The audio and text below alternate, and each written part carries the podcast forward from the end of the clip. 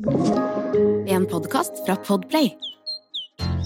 Grøntpodden, for deg som er helt grønn.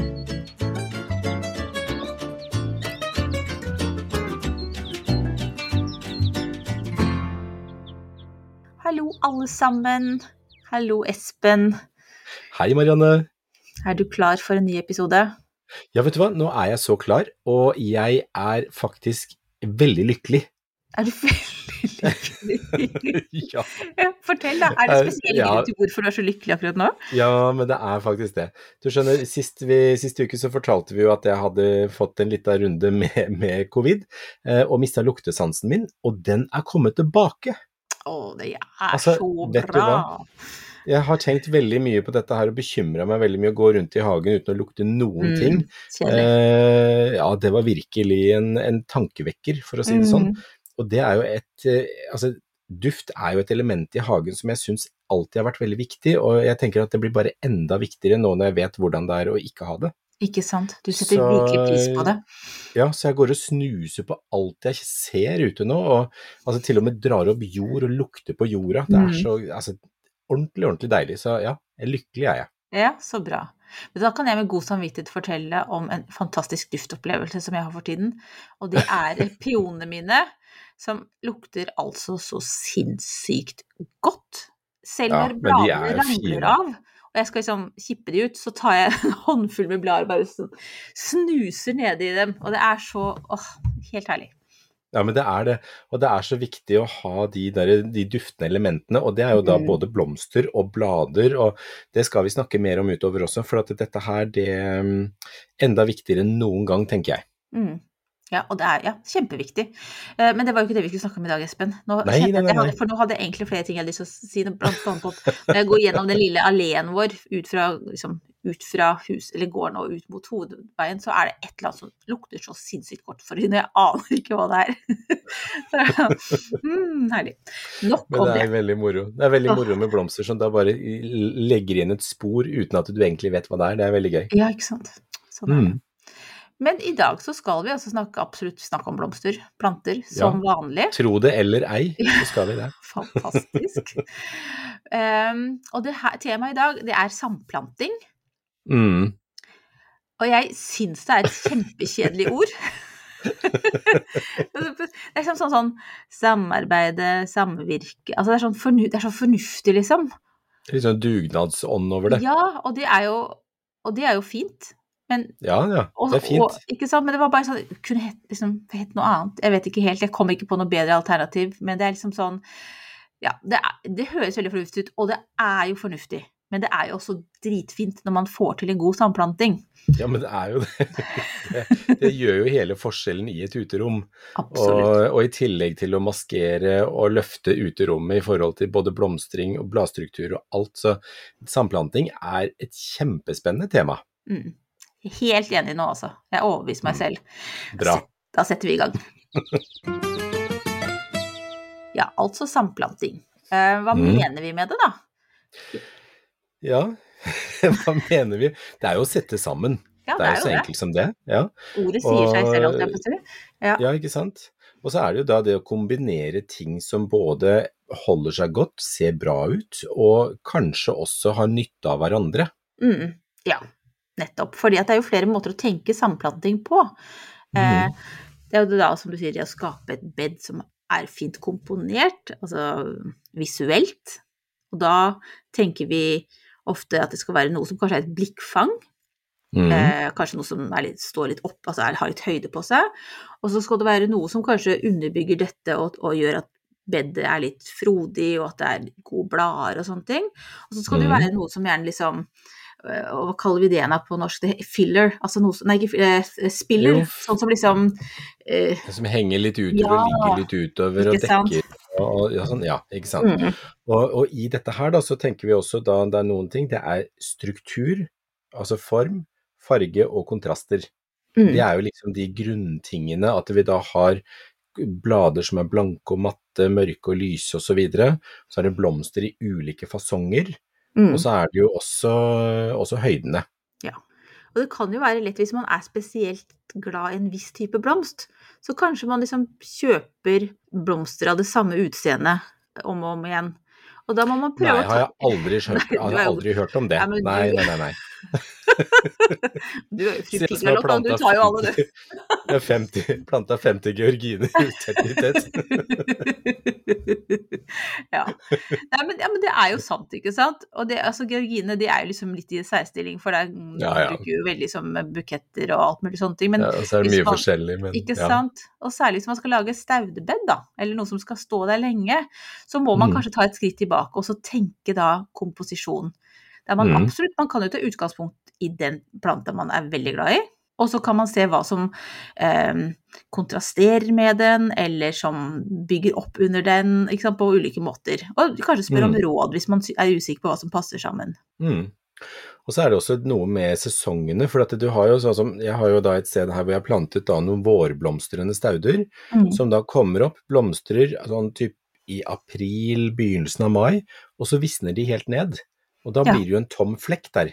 Mm. Og den vil jeg jo da at det skal skjules mest mulig med bladverk som på planter som står rundt, slik at det kommer opp og, du, og egentlig skjuler den der flekken som, som da egentlig bare er bar med, med noen visne blader på. Ja, og sånn har jeg også i et av bedene mine. Der har jeg allium.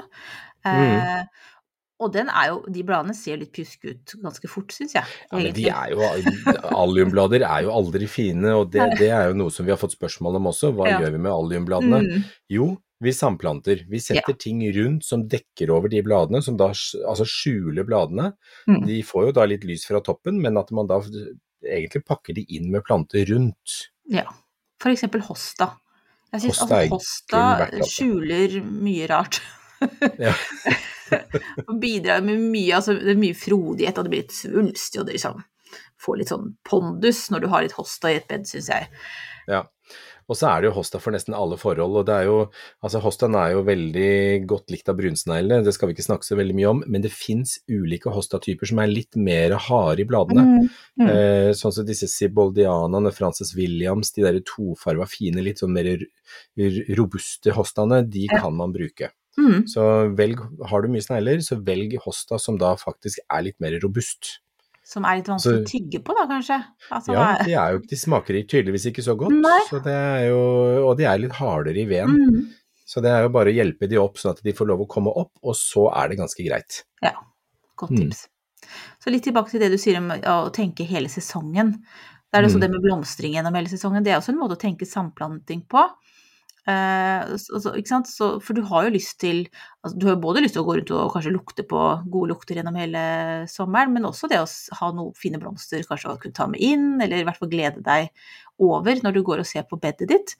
Ja. Um, Definitivt. Og så er det jo også noe med den blomstringen, blomstringa, er at den kan variere avhengig av hvor du bor i landet. Ja. Så det som er viktig å tenke på da, når du tenker deg en, en blomstring fra tidlig vår til sen høst, eller da i de periodene du ønsker å ha blomstring, så, så må du nesten teste ut akkurat den stauden der hvor du bor, i det bedet du har. For det kan også skille litt som i, i, internt i egen hage, om det er litt mer kaldt og skyggefullt, eller om det er mer sol. mm, Så det kan være forskjellige sider av huset f.eks., hvor de da blomstrer på ulike tidspunkt. Så absolutt. du må nesten teste ut litt, så det er lov å flytte litt, prøve litt og feile litt, og Absolutt. se hva som lykkes. Ja, bed er jo ikke statiske ting. Det er ikke sånn at du putter Nei, nei, det i nei, nei. jorda en gang. Det er veldig Tenk på det som noe som du skal jobbe med altså hele tiden, egentlig. Det hørtes veldig skikkelig ut. Mm. Det er noe du, du, kan, du kan justere det. Det kan jo hende at du, du, du ser at det er eh, etter en sommer så har du observert at det er en periode der det ikke er noe blomstring, eller at det blir noen sånne tomme hull og sånne ting. Og da er jo det Mm. noe å notere seg også, og, jobbe ut fra det. Ja, Og noen ganger så trives plantene så godt, så altså er det enkelte planter som bare på en eller annen mystisk vis har helt optimale forhold, og så breier de seg ut over alt annet. Mm. Jeg har en lungeurt som driver på sånn, og den tar seg så til rette og har så spisse albuer at jeg må virkelig ta liksom, både klippa blader og liksom kutta litt av rota på den for, at den, for å stoppe den, for den eh, elger seg inn på alt, altså. Mm. Altså, Den er kjempefin. Det er kjempefin, ja. Jeg, altså, jeg har jo stormarikåpe hjemme hos meg, som jeg elsker veldig, veldig, veldig, veldig mye, så jeg har flere steder. Og Mm. jeg ser at det har vært litt glupsk alle steder. For de er, altså, de er så svære nå, så nå må jeg eh, Ja. Jeg må vurdere om jeg skal flytte litt på dem, rett og slett. Så jeg, Ja. det blir litt for mye av det gode. Ja, og de er jo også helt fantastiske i buketter. Altså den Mm. saftig lysegrønne, limegrønne fargen der, sammen med nesten alle farger, er helt rå. Ja. I tillegg så står de veldig godt, så spesielt når man plukker de nå tidlig på sesongen, så kan du bare snitte de ned, sette de i vase. Helt alene også er de kjempefine, som en sky av grønne, Ja, altså, grønne små blomster. Og det skal Mm. gjøre etterpå. Og det er kjempefint i en fin glassvase Ja. eller noe sånt. Mm. Veldig fint. Men det er jo en tredje måte å tenke samplanting på også, som går på Og det er kanskje eh, mest alltid i grønnsaksbedet, da.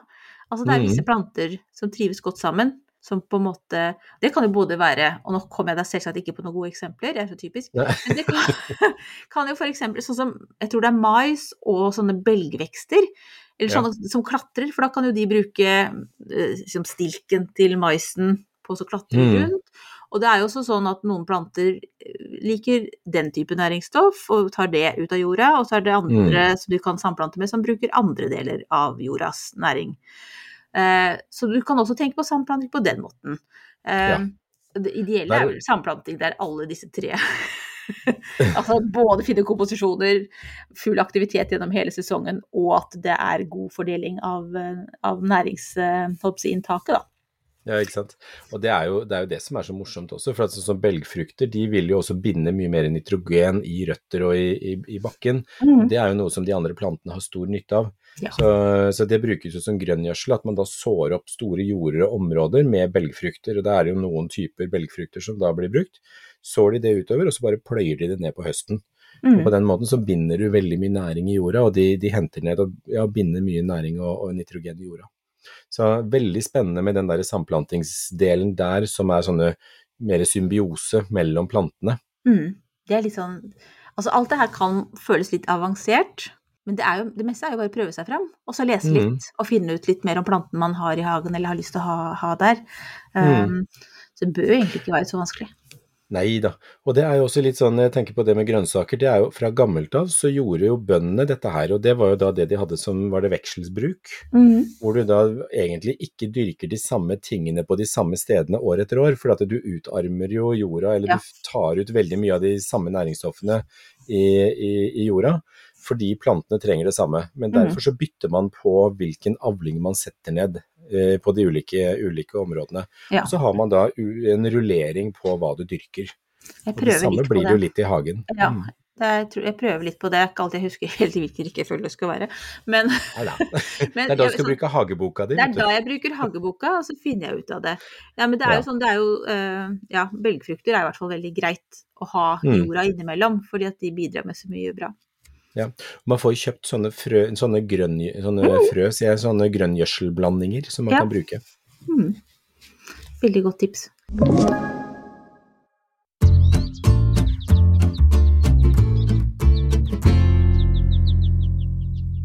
Jo, altså tenker jeg på at samplanting er jo også innmari praktisk hvis man har noe man vil. Eh, altså enten så kan man bruke det til å fremheve eller skjule ting. Det er Det er veldig helt nyttig verktøy. ja, det er kanskje litt sånn på siden av altså samplanting, liksom kjernen av, av, av tankegangen. Men jeg syns jo vi skal ta med det også.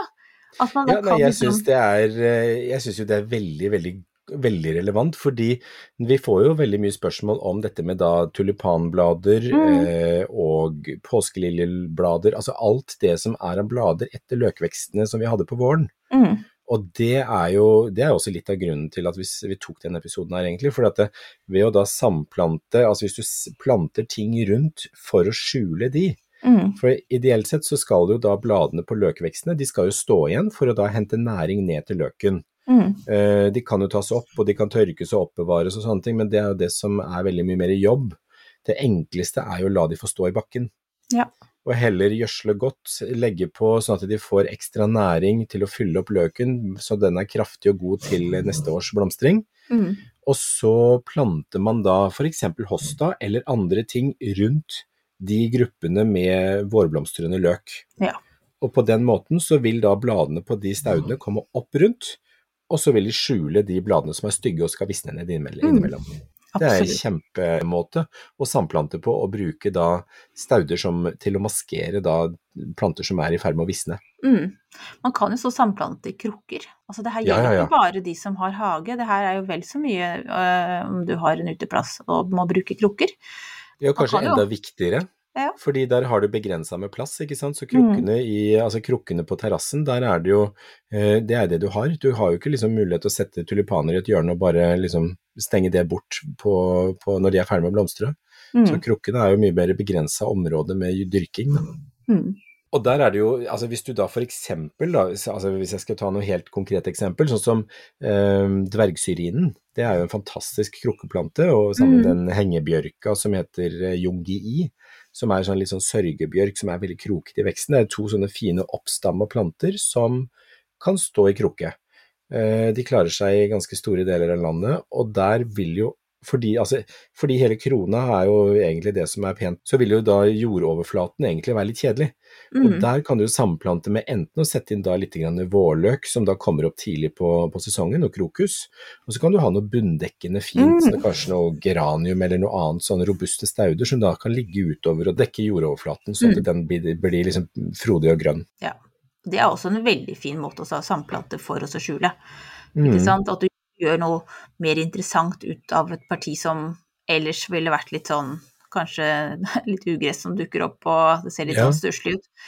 Ja. Det er Og har du, og har du en god bunndekker, så slipper du å ha, ha ugress. mm.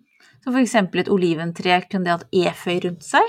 Altså sånn Ja. nederst, liksom? At det ville konkurrere om næringa, eller ville det kunne gå bra? Det vil konkurrere litt om næringa, men jeg tenker da får man gjødsle litt mer og vanne litt ekstra, så at Mhm. du da har, gir mer, mer mat. Men der vil jeg bare passe på at den ikke får lov å klatre opp og overta eh, krona. Ja. de, de har en tendens til å elge seg oppover. Veldig godt Men poeng. det, men det finnes en, en del sånne fine sånne saksifragaer. Mm. Eh, blant annet denne, denne saksifraga umbrosa, som er skyggesildre, som Mm. jeg er veldig, veldig glad i. Det er en, jeg har et område med det her hvor, hvor det er liksom fryktelig dårlig jord, det er fjell og stein og sånne ting, og en sånn fjellknaus, og der har den lagt seg som et teppe over. Blomstrer nå på denne tida, og så blir det fine grønne rosetter som også er vintergrønne, og det er fint på en terrasse. Mm. Ja, det er et godt tips. Og så tenker jeg at jeg syns f.eks. at blomkarse alltid er et sånn sjakktrekk å strø litt ned her og der, hvis man har noen Ja. tomme hull. Og, for det, det er alltid Den skaper litt mer sånn organisk følelse. Den, den kryper både hist og her og klatrer litt og Altså, den, den gir veldig mye til å være Ja. bare et lite frø i utgangspunktet. Ja, og så er den spiselig. Den er god å Mhm. spise, og så er den ikke krevende i forhold til næring, for den liker jo næringsfattig og, og sånn, litt sånn stusslig forhold. Mm. Jeg tror faktisk blomkarse er min favorittblomst, jeg. Ja, Og den det er jo så saftig og frodig. Ja, saftig frodig, og så mange forskjellige farger. Som i fjor så hadde jeg en som het Milkmaid, tror jeg. Det var sånn Ja. nydelig hvit. Og i år har jeg prøvd masse forskjellig. Jeg er litt spent på om alt kommer opp, men det er i hvert fall godt i gang. Ja. Så mm. Jeg har så den som heter, jeg tror det er Black Velvet, jeg. Som da er helt nesten burgunder, sorte, nesten sorte blomster. åh, herlig. herlig. Ja, det er gøy. Det er gøy. Et siste tips, tenkte jeg, er at når du skal komponere et bed og skal samplante Altså, det er jo i grunnen veldig sjelden man ikke samplanter. Det må jo være hvis du da ja, altså, ja, kanskje noen bare har bed med én ting, bare lavendel eksempel, men det er jo sjelden. Det er også en samplanting, for da kjører du én sort. hvordan da tenkte du på? Nei, du samplanter jo, men hvis du har 14 Ja. lavendler, så samme samplanter du de.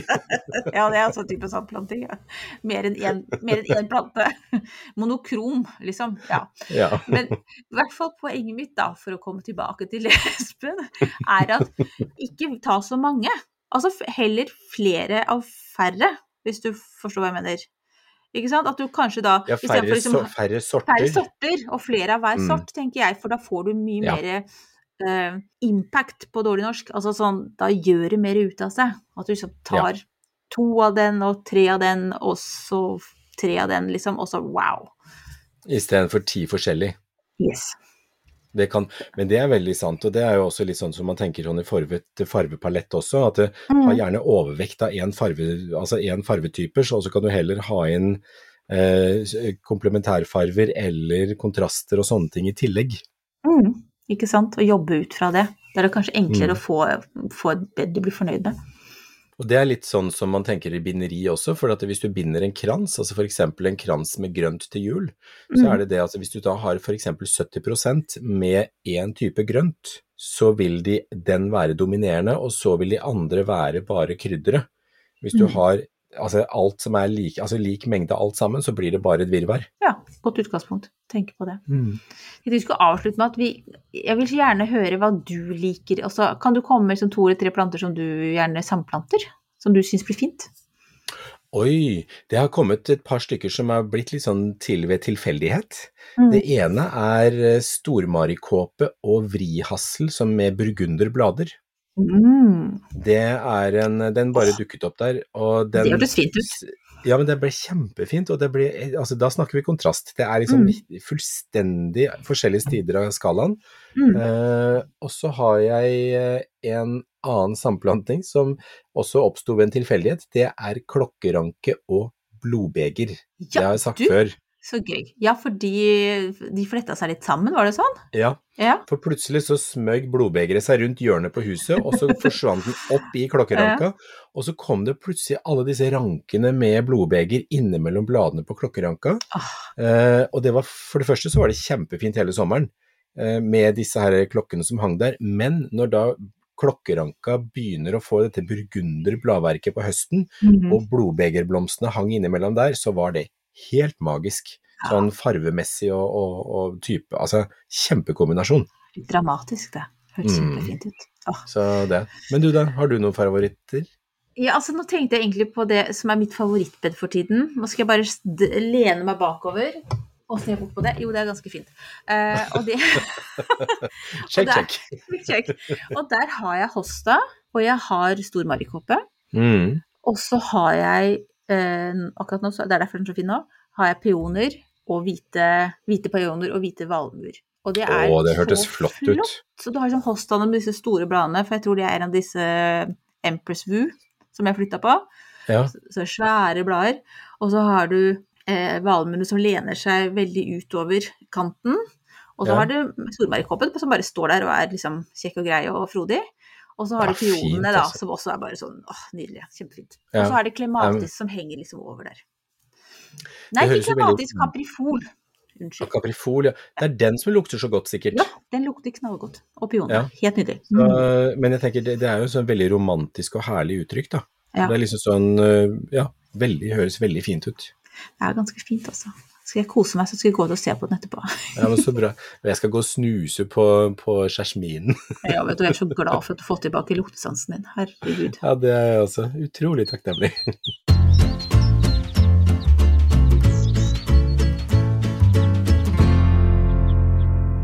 Du, jeg vet ikke om ukas plante lukter noe spesielt, men den heter i hvert fall da Stefania erecta. Er det en Ja. oppreist plante? Den er ganske oppreist, Mhm. eh, og den, eh, den er Altså igjen, dette her med klumpedumper og, og kaudekser, det er jo det som Mm. jeg er så veldig mors... Altså jeg er så glad i det. Og eh, jeg var så heldig å få det av en kompis av meg i fjor, som kom på besøk og hadde med en. Og den er eh, blitt veldig populær de siste årene, og den ligner, apropos blomkarse, Mm. veldig på blomkarsen Gjør i bladene. Veldig lyst på den planta. Ja, men den er så fin. Og så Mm. har den den der lille knollen som da ligger eh, halvveis nedgravd i, i, i et mineralsk substrat. Mhm. Eh, og det vil si egentlig at den, den vokser i grus sandblanding, ikke jord. Ja. Som alle andre kaktuser og de fleste sukkulenter. Mhm. Så denne her, den lever egentlig, eller den kommer opprinnelig fra Thailand. Så den lever egentlig i tropiske områder. Det er ikke noen sånn kaktus eller sukul... Det er jo en sukkulent, men den er liksom ikke en av de som eh, gror i ørken med bakende sol og alt dette her. Så Mm. de liker filtrert lys. eh, lever da nede i krattskog i jungelen, nede på, på bunnen der, hvor det er en del lys, men ikke sterk sol. Ja. Så, Så hvor har du den, den nå eh, da? Har du den inne? Nei. Har du den ute? Jeg har den nå inne, for jeg har eh, egentlig ikke villet sette den ut fordi det har vært litt grann kaldt. Det har jo vært iskaldt, syns jeg da. Mm. Så eh, siste tida. Så, mm, så jeg har den stående inne, og da står den inne i et eh, hva blir det? Øst, vest Ja, vestvindu. Mm. Så det, ja. Himmelretningene er ikke så god på. Jeg er ikke så god på geografi, Jeg likte men- håndbevegelsen din, du liksom pekte i ulike retninger. ja, for jeg vet at det er syd, for der kommer sola. Der står Ja. sola midt på dagen. så, altså det er altså den, står, den står lyst uten sterk sol, og eh, kommet opp da med masse blomster i år. Jeg hadde et angrep av ullus i vinter som var ganske stygt. Mm. eh, som jeg nå har fått eh, bukt med med hjelp av sprit og grønnsåpevann. Pinsett, nei ikke pinsett, q-tips og tannpirker med uh, bomulls på. Oh, For at jeg måtte innimellom kroker og kriker, og jeg gjentok dette her fem-seks ganger. Oi. Og da var den uten blader, heldigvis, mm. så da fikk jeg virkelig liksom vaska denne knollen. Så den, den var ren og pen, og så begynte den å skyte, og så har den blitt helt, helt fantastisk. Du la ut bilde av den for ikke så lenge siden Ja. på din konto. skal- Jeg tror vi skal legge den ut på Vi skal legge den også. på grøntpodden også, Og så den, eh, ja. og den er, den er helt fantastisk. Så den er lettstelt, men Mm. det som er verdt å merke seg med den, er at den er også bladfellende, så den, den, mister, som oftest så mister den alle bladene på vinteren. For da Ja. skal den gjerne stå på en sånn rundt 15, ja, 15-ish grader og hvile. Eh, Da skal den være tørr, og så kan du begynne å vanne opp igjen på våren, og da kommer det skudd og fine blader og blomster. Kan jeg bare spørre noe om ordet caudex? Er det Ja. klumpen, eller er det hele Er det en, er det en Det er- caudex-plante, eller er det bare klumpen Det er en- på planta? Det er klumpen på planta, så de plantene som danner en sånn klump i form av enten stilk, eh, nederste delen av stilken, eller av rota, så Mm. dannes det en klump. Da kalles det for kaudeksplanter. Ja. Så det er egentlig bare en beskrivelse. For de har knoller, ikke sant? Og knoller knoller. er ikke caudex. Nei, og knollene de ligger under bakken, og det er jo der de, sammen, sammen løk Ja, og sånne så ting. klart. Ja. Kaudeksen, den, og det, egentlig så er det et organ som da er tilrettelagt for å da spare på vann og næring og liksom uh, kunne klare seg i litt sånne dårlige tider. Mm. Det er som kamelen. Ja, hva er det jeg tenkte på? Samler opp og Ja. fyller opp, og så Ja. har de masse, masse inni der, og så, og, så, og så lever de lenge på det. Dermed så er de også ganske robuste. Mm. Det så ut som din hadde fylt opp med ganske mye vann, da, for det var god knoll på den. Eller ikke Ja, den er fin. klump, klot, eh, caudex. Ja, Caudex. Kaudex. Ja. Kaudex er fint. det er ikke så viktig. Jeg føler meg så avansert når jeg sier caudex. Jeg tror jeg bare skal gå ut og si caudex neste gang jeg er på en sånn plantested. ikke sant? Skal vi bevege oss elegant over til ukas spørsmål, eller? Ja, det skal vi gjøre. Altså, det her er Ingrid som har sendt inn, og det er du som har tatt imot det, og det er himla langt. Skal jeg lese alt her sånn? Nei, du bør ikke lese alt sammen. Det, det, jeg bare klippet det inn, sånn at vi vet hva det er for noe. Ja. Eh, Det som er, hun ønsker seg et tips på mm. et lite tre eller en busk som skal være foran en veranda for å da eh, skjule litt mot innsyn. Ja, Den skal, den skal gjerne vokse litt fort opp, og den skal ikke være for stor. Eh, Ja. eh, også, eller bli for høy, for da blir jo, da tar den jo sikkert all sol og utsikt også. Mm. Eh, og så er dette her nede i Vestfold, sånn at det er jo da Jeg antar at det er sone H3 til 4, kanskje 2 til 3, hvis det er langs med kysten. Men eh, det er, det er ganske mildt. Ja. Og da er det jo masse muligheter. Ja, altså, nå gleder jeg meg til å høre. Det her synes jeg var et godt spørsmål. så, så det er jo liksom For det, jeg er veldig opptatt av dette her med små busker og trær, fordi at det er veldig fine elementer å ha i hagen. Og det kan jo Mhm. både skjerme mot innsyn, men også skape litt volum og høyde i hagen. Eh, og da har jeg lyst til å løfte fram hengeblodbøk. Mm. Og det er ikke den hengeblodbøken som da vokser videre oppover og blir 35 meter høy, men det er hengeblodbøken som er poda på toppen, som da henger nedover som en veldig sånn stram eh, soppform. Så Mm. den har en veldig sånn stram nedadgående form. Og den er eh, ganske Den er ikke så veldig kraftig når du kjøper den. den er, du velger hvilken høyde du vil ha, så blir den ikke noe høyere enn det. Kanskje den legger på seg 20 cm, og det er maks. Mm. Men det den gjør, det er at den begynner å bygge grener sideveis, og da blir den ganske bred. Så jeg har en sånn her, og den begynner å nærme seg to meter i, i bredde. Ja. Så den er ganske fin, og den gir en veldig fin struktur og form til hagen. I tillegg til at den da er helt, eh, helt tett av blader, så den er helt ugjennomsiktig. Eh, og så henger bladene på en godt stykke utover, og så er det masse fine grener på vinteren. ja. Så da får man egentlig også litt eh, dekke på vinterstid. Ja. Bra. Så er det da en annen, det er selvfølgelig syrin. Den må klippes, den, eh, for den vil jo bli stor, det vet jo du godt. Mm. syrin hos deg. Men det finnes jo en del sånne edelsyriner som ikke vokser så fort, og som da kan være, være gode å ha. Og så har du den storblomstra syrinhortensiaen. Mm. Kjempefin. Ja. Så den er heller fin, og den blir jo, hvis den trives godt, så blir jo den en to, ja, to til eh, to og en halv meter høy. Uh, og så har du da kulepila, salixen. Eh, det finnes ulike typer salix eh, og pil som da man kan bruke. De Mm. vokser fort, Veldig. men det, ja, de er kjempehurtige i veksten, så de vil jo, de vil jo um, egentlig ta litt eh, av, kanskje. ja, de, Eh, de gjør det, altså. Vi har pil, og de er bare helt gærne. Ja, så man må velge litt grann da hvor mye vedlikehold man vil ha, og det gjelder jo da både på syrinen og for så vidt også syrinen hortensiaen, men også på salixen. Men den Eh, er fin, har- altså. Det er Ja, den er kjempe, ja. kjempefin, så det er veldig fine, fine blader på den. Og så har du, eller, og fin form, men så har du også hjertetreet. Ja. Uh, og jeg syns jo hjertetreet er, uh, burde vært brukt enda mer. Det fins et, da et hengende hjertetre, sånn som jeg Mm. har her. Den blir jo stor på sikt, men den tåler fint å beskjæres. Og den bruker mange år på å bli stor. Mm. Så da kan man holde den nede ved å bare holde Si at ok, dette er toppen, og så lar man den være der. Og så Mm. bare ta alt som kommer over den, eh, den linja man har satt. Og da vil hovedvekten av grenene gå nedover og utover, og dermed så får den veldig fin bredde.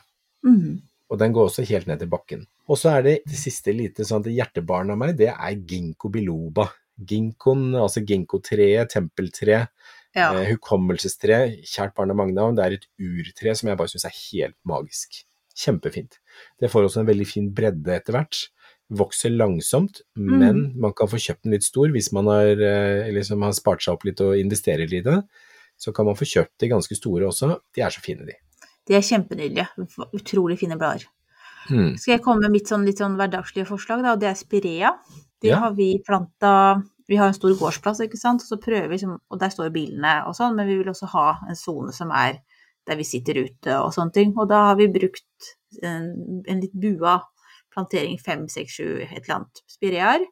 Eh, liksom under på siden av uh, tuntreet vårt. Ja. Og det er utrolig tett og godt. Altså det, det er også veldig Det høres også kjempefint ut, og de er fine å beskjære. De, altså, de Ja. kan du klippe og forme akkurat som du vil, og de er lette å holde, holde i sjakk, altså. Mm. Mm. Nei, men også ikke- veldig godt forslag. Ikke flere forslag, ja. Jeg var eneste jeg kom på. Nei, det- Jeg er veldig glad for at du er eksperten, og jeg er den som spør. Men du, da tror jeg vi sier eh, takk til Ingrid for spørsmålet. Det var et bra Mhm. spørsmål. Og så går vi videre til hva du gjør nå, i tillegg til å sniffe rundt og lukte på alt i hagen. Ja, i tillegg til å være blodhund, så driver jeg rett og slett og strammer opp. Eh, Det har vært litt grann eh, lite tempo på meg nå de siste 14 dagene, så det betyr at det, har jo altså grodd av ville makter her. Mm. Altså det gror så voldsomt, fordi det kom masse vann, og alt fikk da vann, og alt har fått litt grann varme, og så har det eksplodert, så det er øh, rett og slett anarki ute i hagen. Så alle tar seg til rette, og det, det må Så jeg må gå inn med hard hånd og sekatør og saks og, og hekketrimmer og vet ikke hva, Mm. for å få bukt med disse tingene. Og også de som er mest breiale, de, skal, de må ta seg godt tilbake. Så det er jo det jeg skal bruke den nærmeste tida på. Mm. Ja, altså, bra. Så det, tror det blir det. Men eh, du da, Marianne? Jo, altså egentlig det jeg driver og tenker litt på, er at for vi har snakka om det med blomstereng, ikke sant. Mm. Og så tenker jeg at øh, Og nå er det jo, som du sier, fryktelig frodig. Og jeg tenker at kanskje ikke vi trenger å starte fra scratch med blomstereng hos oss, men at jeg kan bare kanskje gå rundt og, og ta bort de tingene som jeg ikke vil ha i engen. At vi egentlig er ganske på godt på vei til blomstring. Eh, så bra. ja, det bare slo meg at liksom, kanskje vi ikke skal liksom, tenke at den skal se ut som på posen med blomstringfrø, men faktisk innse at vi har en blomstring fra naturens side. Så jeg tenkte at Men jeg heller kan ingenting er jo bedre enn det, da. Så det er liksom, jeg tenkte jeg kan heller gå rundt og kanskje ta bort noe av dem, da, sånn som vi har jo bjørnebærbusker som gjerne vil bo over hele tomta, og liksom heller gå bort Ja. og klippe bort de der tingene jeg ikke vil ha der, og så Mm. for å få fram de mindre, mer blomsterengete plantene. Ja, Så det, det er vil jeg tenke på nå rundt Ja. midtsommer. Ja, det er kjempelurt. Mm. Og da kan man jo også supplere, hvis du da finner eh, nå utover sensommeren hvor det er frøkapsler på, på blomster i nabolaget, når du er ute og går tur, Mm. Ja. så kan du plukke frøkapsler og så bare kaste ut på blomsterenga di. Ja, Og så vil du kanskje få spredd inn da planter som du da kanskje savner, som er lokale. For vi har jo rundt omkring når vi kjører her, og også ved oppkjørselen vår, så er det jo sånne små røde vet ikke, valmuer, bonde... Altså, Ja, hva heter de der Ja, de valmuene? Ja. Ja, det er det. Ja. Så de har jeg jo lyst til å ha der, eksempel. Mm.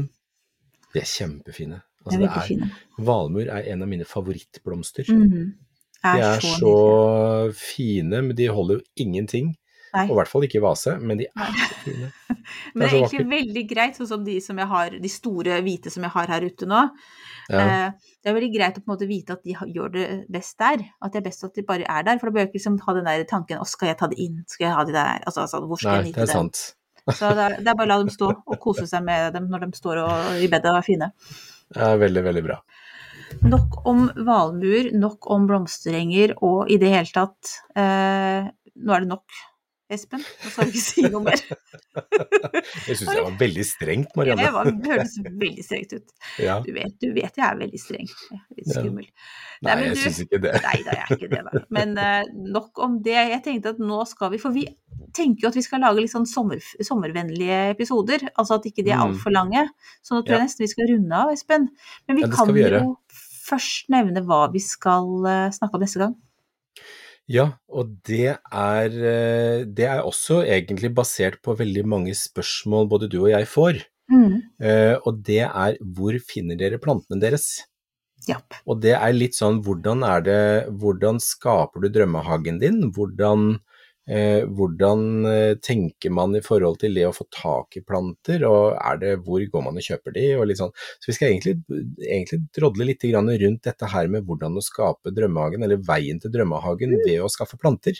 Ja, Hvordan du bygger det opp. Så jeg tror det kan bli hyggelig, og det er jo kanskje vi kan komme med noen tips og råd. Kanskje vi kan, kanskje vi kan smøre noen med tålmodighet, jeg vet ikke. Ja. Jeg tenkte, jeg tror, visste ikke om jeg turte å si det, men man må nesten smøre seg med tålmodighet, også. Ja, er det, men det er noe jeg har lært gjennom så mange år med planter og hage. Mm. Tålmodighet, det er en kjempeviktig ingrediens. Ja, da begynner vi med å si det. Ta med dere en porsjon tålmodighet, og så, og så, og så snakkes vi om en uke. Og så har vi kanskje noen lure tips på lur. Ikke sant. Supert. Inntil da, følg oss i sosiale medier. Send oss spørsmål, kommentarer. Ja, i det hele tatt. Mm. Det er veldig hyggelig å høre fra dere. Ja, det er det. Tusen takk for i dag. Takk for i dag. Ha det bra. Ha det.